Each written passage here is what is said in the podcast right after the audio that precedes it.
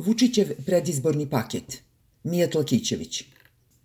Izlaganje ministra financija Siniše Malog, koji je predstavio paket mera za pomoć privredi i građanima Srbije, bilo je dosta jasno i koncizno, uz minimalno političarenje, što je u nastupima predsednika Vučića i premijerke Brnabić već prešlo sve granice pristojnosti, pa i humanosti. Ipak, kada se saberu vrednosti pojedinih grupa mera, ne dolazi se do sume koju je Mali naveo kao ukupni državni stimulans. Naime, prvi porezki paket, odlaganje poreza i doprinosa, poreza na dobiti PDV-a, težak je 161 milijardu dinara. Drugi paket, direktna novčana pomoć preduzetnicima i malim i srednjim preduzećima, 97 milijardi. Treći set, takozvana podrška likvidnosti privrede kroz kredite Fonda za razvoj, odnosno komercijalnih banaka, u evrima prvo 200 miliona, drugo 2 milijarde, ukupno 264 milijarde dinara. I na kraju direktna državna pomoć svim punoletnim građanima od pod 100 evra u dinarskoj protiv vrednosti oko 70 milijardi dinara. Sve ukupno to je 592 milijarde dinara ili 16 milijardi manje od ukupne vrednosti paketa koja iznosi 608 milijardi dinara, 5,1 milijardi evra. Nije jasno da li je, mada verovatno jeste u ovu sumu, uračunat i poklon penzionerima od 4000 dinara, ali i to je ukupno oko 7 milijardi. Dakle, fali još. Ako odete na sajt Ministarstva financija, tamo ćete naći izveštaj sa konferencije za novinare u kojem nema ni svih podataka koje je Siniša Mali tom prilikom izneo. Na sajtu se nalazi i dokument pod nazivom Program ekonomskih mera za smanjivanje efekata krize, ali u njemu ima još manje podataka.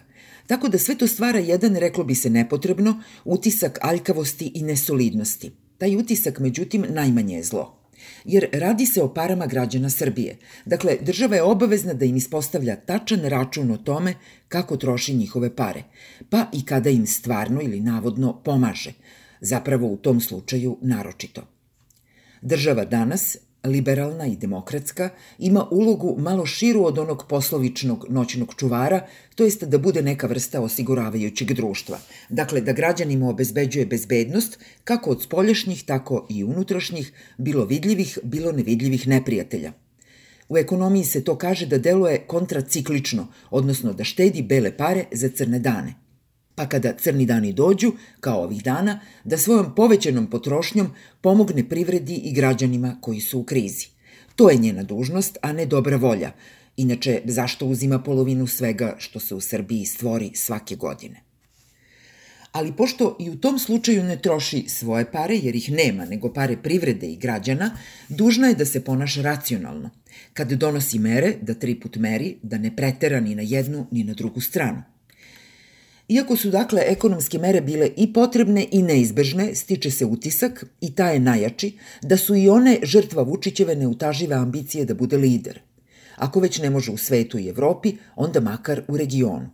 Pa je tako napravio relativno ubedljivo najveći paket od 11% bruto domaćeg proizvoda, pri čemu nije vodio računa ni o selektivnosti, ni o socijalnoj pravednosti tih mera, ali jeste o političkoj isplativosti. Kada je reč o privredi, to znači da će pomoć dobiti i sektori vrlo teško pogođeni krizom, hotelijeri, ugostitelji, prevoznici. I oni čiji su gubici mali ili ih uopšte nemaju. I drugo, onih 100 evra dobit će i zaposleni i nezaposleni, i oni sa visokom platom i oni na minimalcu – Stvar je naravno u tome što ako bi odredio neku normalnu granicu, recimo prosečnu platu za pravo na pomoć, najveći deo njegove baze javnog sektora ostao bi uskraćen, a to Vučić u ovoj situaciji nikako ne želi.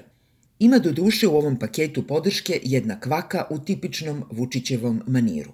Naime, u njegovu ukupnu vrednost uračunate su i 2 milijarde evra bankarskih kredita za koje će se država pojaviti kao garant – Kolika će biti državna garancija još nije poznato. Ako ona bude oko 25% visine kredita, to znači da će država angažovati svega oko 500 miliona evra sobstvenih sredstava.